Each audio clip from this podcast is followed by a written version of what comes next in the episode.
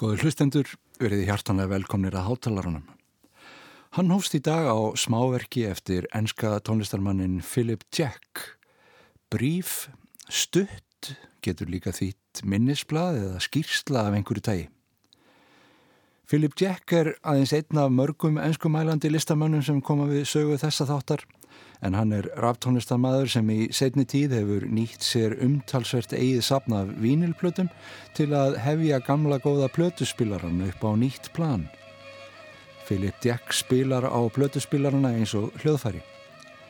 Hann læti sér ekki næja bresti og brak sem er að finna á gamlum plötum heldur er músíkin á plötunum ekki síður efni viður í verkum hans.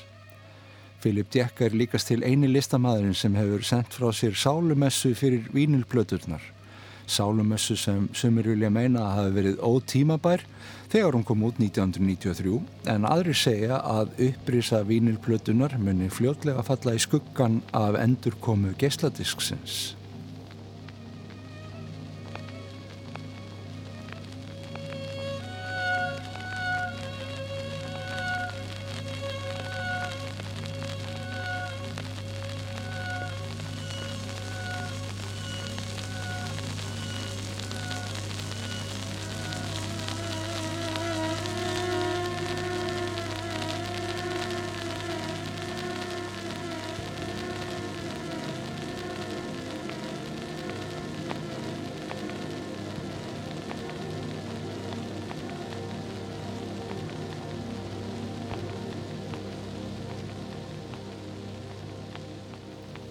Það er nýlagt verk Philips Jack sem hér hljómar, Arcade nr. 1 frá því fyrra, en við erum svo heppin að þessi áhugaverði enski listamæður verður gestur Sequences hátíðarinnar og heldur tónleika í fríkjörkjunni á förstu daginn kemur.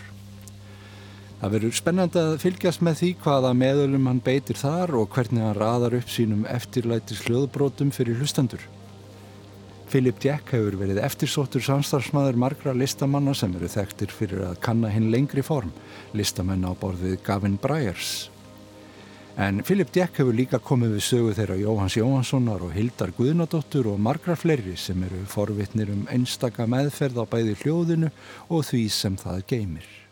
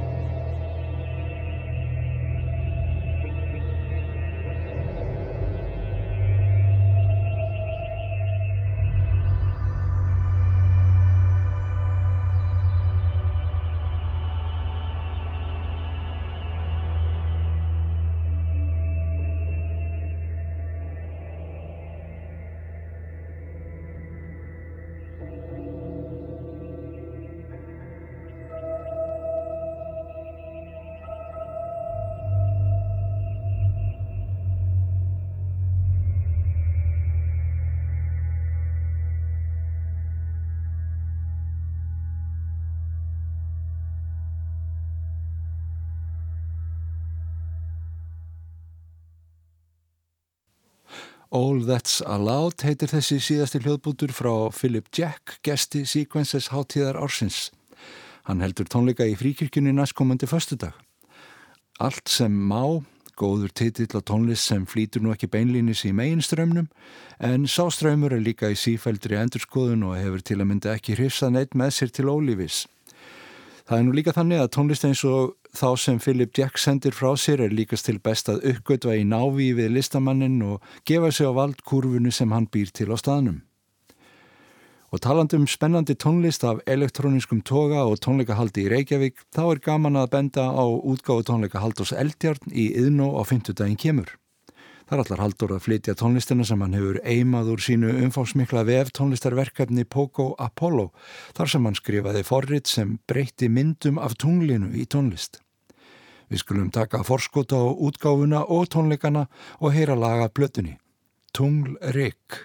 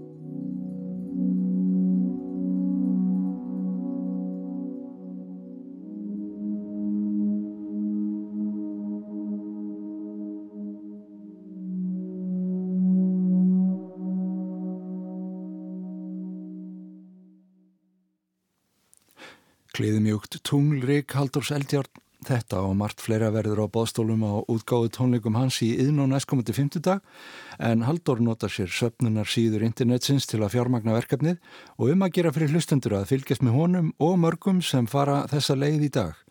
Þannig er hægt að fylgjast með verkefnum verða að veruleika og heita á þau á fjölmarka meismunandi vegu. En hér og nú færum við háttalaran yfir Allandshafið og höldum til Amsterdam.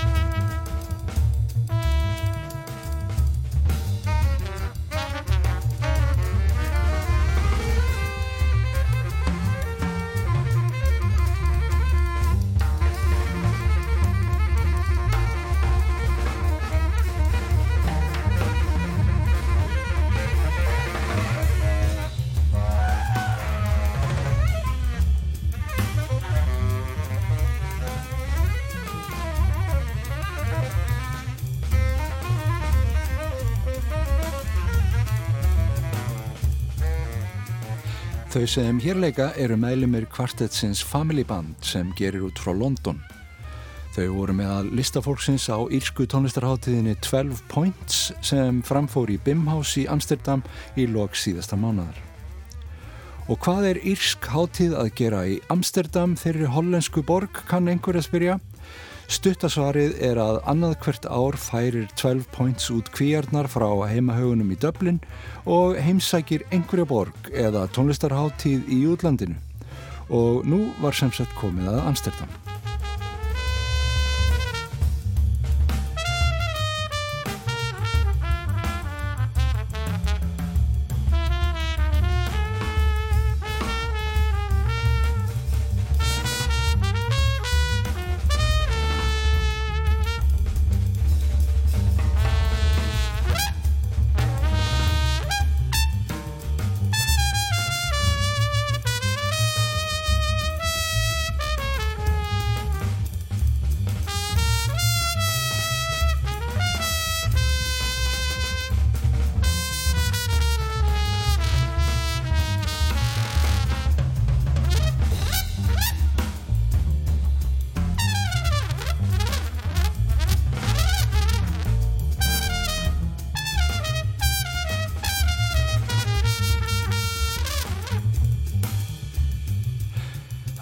Eldfjöruga family band sem hér leikur Kim Makari á trompet Riley Stone Lonergan á saxofón Tom Riviere á bassa og Steve Hanley á trommur Hljóðheimur sem trestir á frelsið sem fylgir línulegum spuna getur við sagt Fjárvera hljómaljóðfarana hefur jafnan ítt undir þessa tegund spuna sem þó stendur föstum fótum í post-boppi sem hljómaði í lok sjönda áratögurins þegar listafólk þess tíma freistaði þess að brjóta upp formin.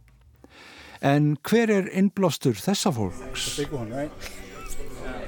We've known each other for a really long time and that's really good because it feels like we can take lots of risks together. And uh, so it means like we can go in any direction and there's lots of support and so it, it feels like anything can happen. So it's a really open band to play in. So we all do lots of other stuff and then it feels like Family Band is where we all intersect. Um, which means that there's just a huge amount of potential for it to go in lots of directions. We're all very different musicians, I think, in a lot of ways. So it's the fact that we know each other so well that it's able to work as, as a band, I suppose. So it's a meeting of experiences, uh, meeting of different inspirations, maybe. Definitely, um, I think we're all we're all coming from different places at, the starting point, but uh, but we we all meet in the middle, and there's it's it's for me it's all about the trusting relationship that we have personally between all of us in the band. Um, you know, it, go, it goes, it go. The relationship for me with with with Tom, uh, Kim, and Riley, it's it goes beyond just the music. You know, it, it filters into into all parts of my life, um, and and I'm able to draw from from all of these experiences that we've all had together um, when, when, when we're all playing on stage. Við höfum tekst mjög lengi og getum því farið í hvaða átt sem er, segir Kim Makari. Við sinnum ólíkri tónlistu utan þessarar hljómsveitar en Family Band er staðurinn sem allar þessar upplifanir skarast. Og Riley Lonergan tekur undir og minnir á að þau séu ólík en vinskapurinn gerir þeim kleift að finna heið óþekta saman. Trómarinn Steve Hanley tekur undir þetta líka og ítrekkar og minnir á að samband þeirra nái langt út fyrir tónlistina og búi til fyrir þau alveg nýjan brunn upplifana.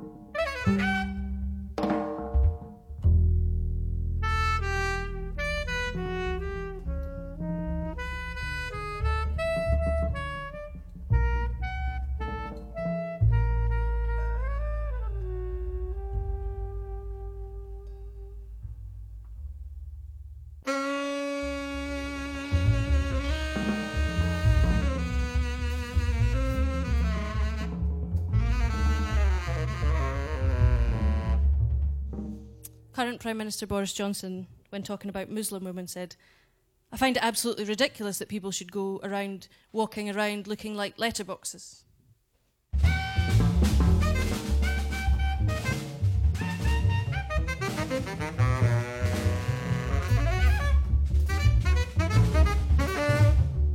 Councillor Hugh Jackson was asked by parents how to reduce the cost of looking after disabled children, and his solution was euthanasia.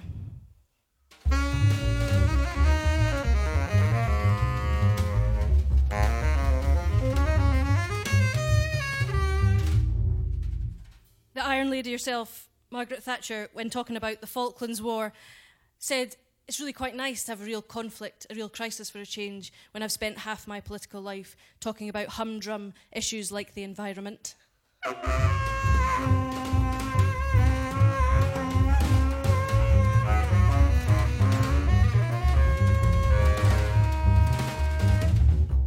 Former Chief Whip George Young, he was asked about the homeless, and he said, The homeless? Aren't those what we step over when we come out of the opera?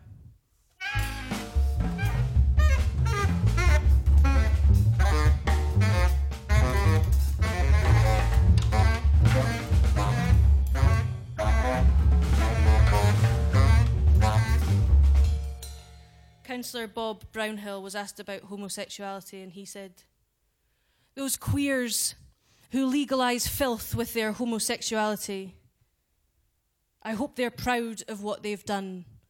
As a cure, I would send 90% of them to the gas chamber.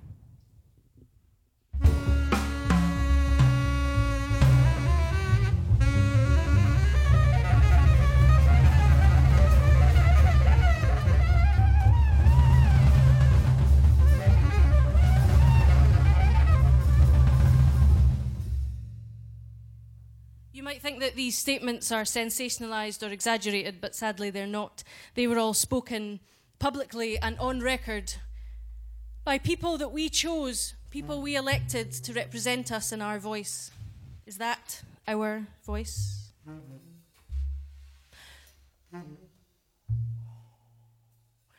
When bankers gambled with people's lives and brought about the global financial crisis, our government said, We're all in it together.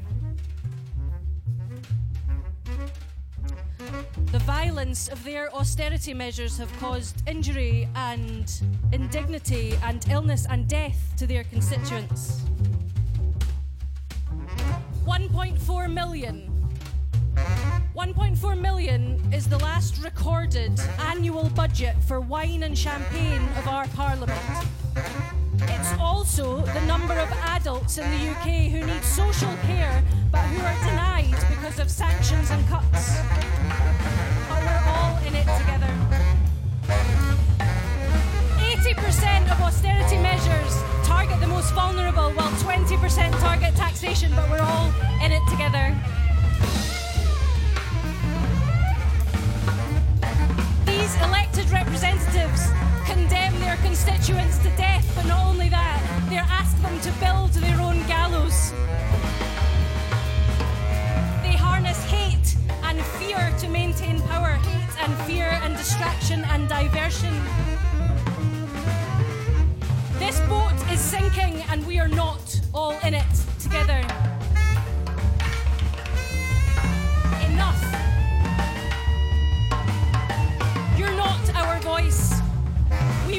Be silenced. We will not be depleted. We will not turn on each other. We will have voice.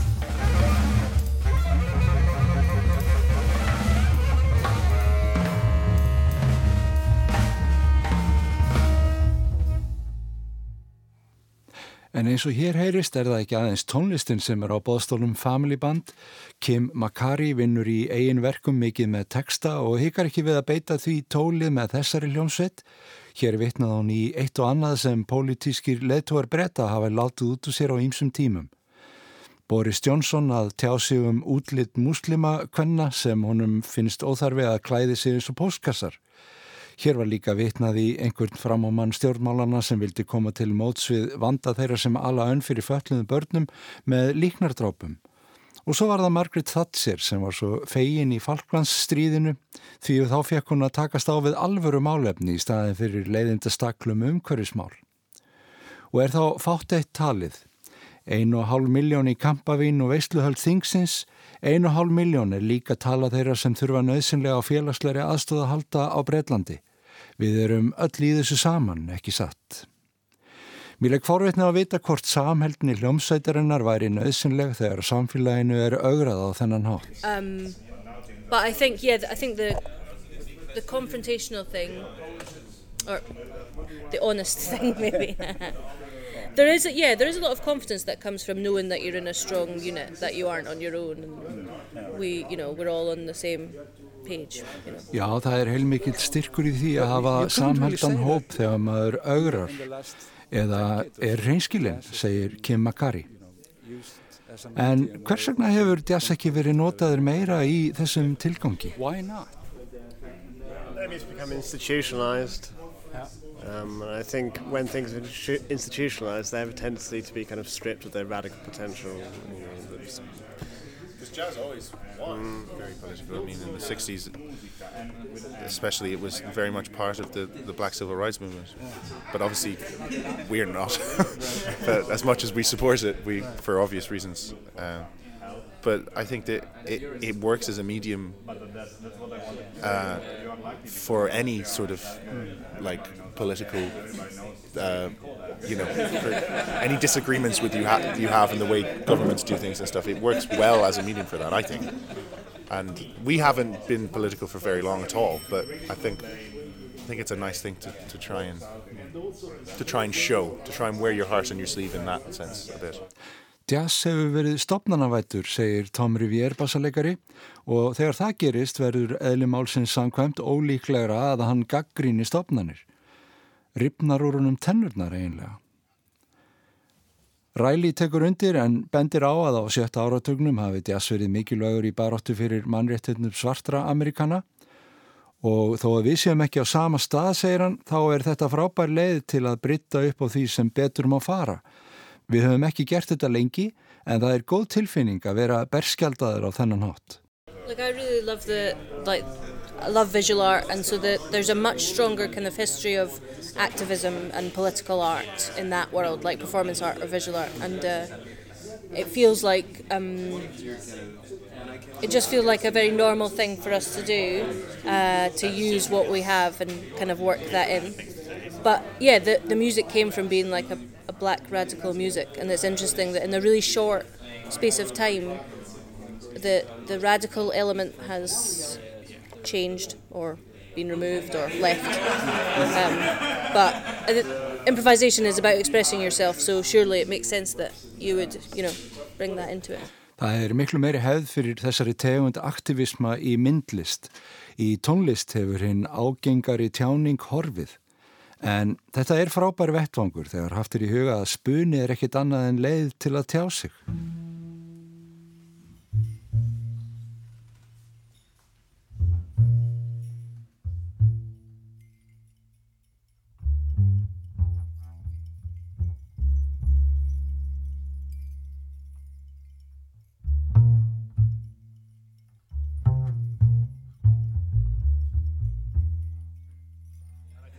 Sort of recent, uh, like political, the recent political climate in where we live in the UK is, I think, it's not great, is it? It's not great. So th- you know, I, I don't feel like what we want to do at the moment is is start to play a lot in Europe, and I don't think we can do that and ignore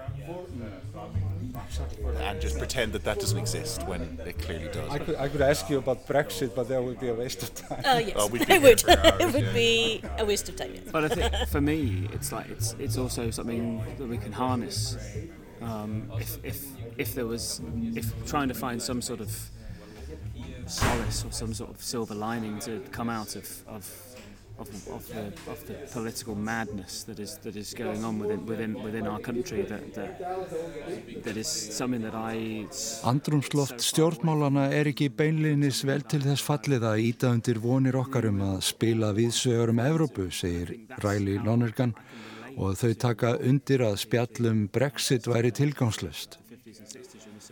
Steve Hanley vonast til að í þessari pólitísku geðveiki felist einhver staðar vonar nesti Kanski er sá neisti einmitt fólkin í því að þurfa að berjast fyrir því sem að manni finnst skipta máli í lífinu.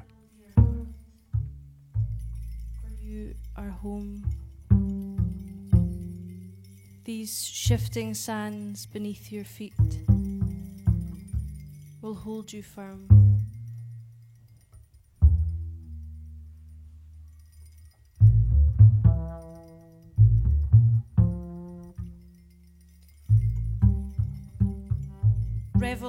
Insignificance, you tiny flash of life.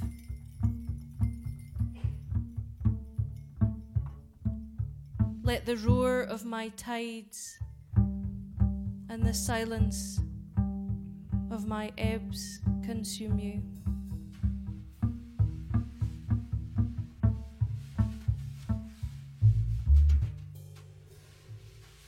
On waves, I heard a cry. Calm, my weary traveller.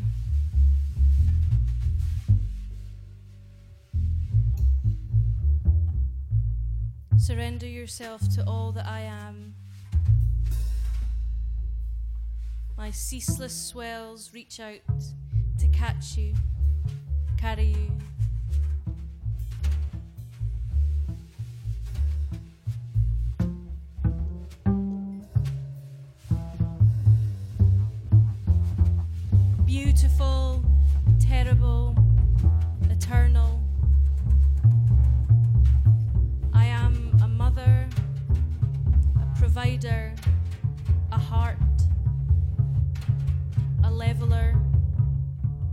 Gravesite, an endless abyss, an ending, and the start.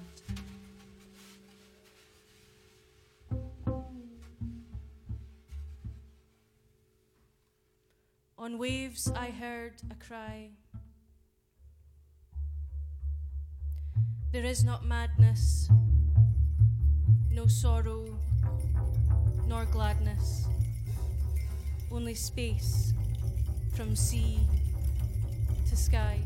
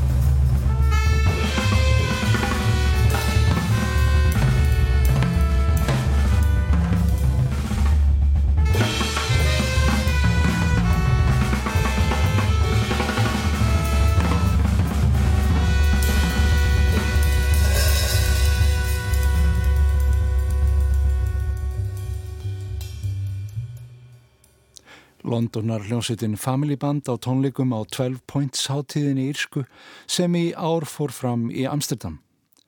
Nú síðast tónlist þeirra við ljóð eftir bassalegara kvartetsins Tom Rivier. Þau hafa þeksti í áratug og spila saman í hljómsveit í sex ár sem er langur tími þegar listafólki er bráðungt. Þau eiga það líka sameinlegt að tengjast uppeldistarfi spunatónlistarinnar sem er mjög upplugt í Leeds. Það var áhugavert að heyra í öllu þessu unga og upprennandi listafólki þá fjóra daga sem 12 points hátíðin stóð og við fáum að heyra meira um í hátalarunum á næstunni. Kanski er það einmittið skrítna pólitíska andrumsloft sem kallar á meiri textavinnu í spunanum á Breitlandsegjum. Þó að tónlist Robo Cobra kvartetsins frá Belfast á Norður Írlandi sé meira úr átt post-punks en post-bops þá eru umræðu efnin skild þegar söngvarinn og trommarinn Chris Ryan bendir okkur á að heimurinn tilheri greinlega einhverjum öðrum við hinn búum barasta í honum.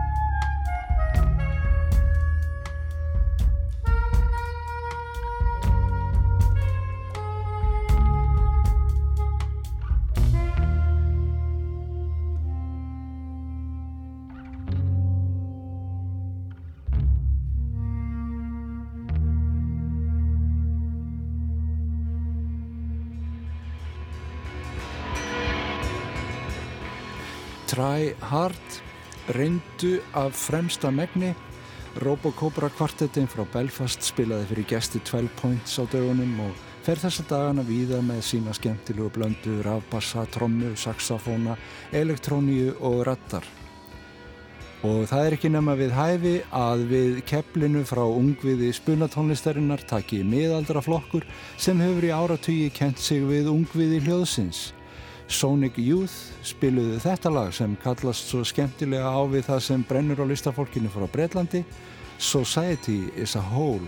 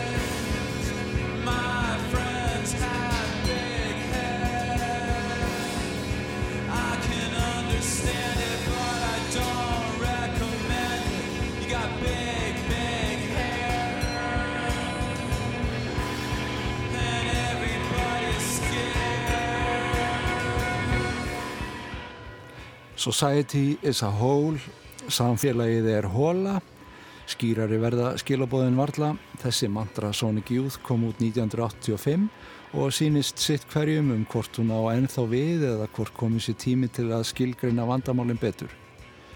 Það gerir eitt liðsmaður þessarar annáluðu hljómsveitar á nýri plötu sinni. Liðskona öllu heldur því Kim Gordon hefur sendt frá sér nýja plötu þar sem fjallað er meðal annars um raunir þeirra sem halda heimili í samfélagi nútímans. Eru annars ekki allir með Airbnb?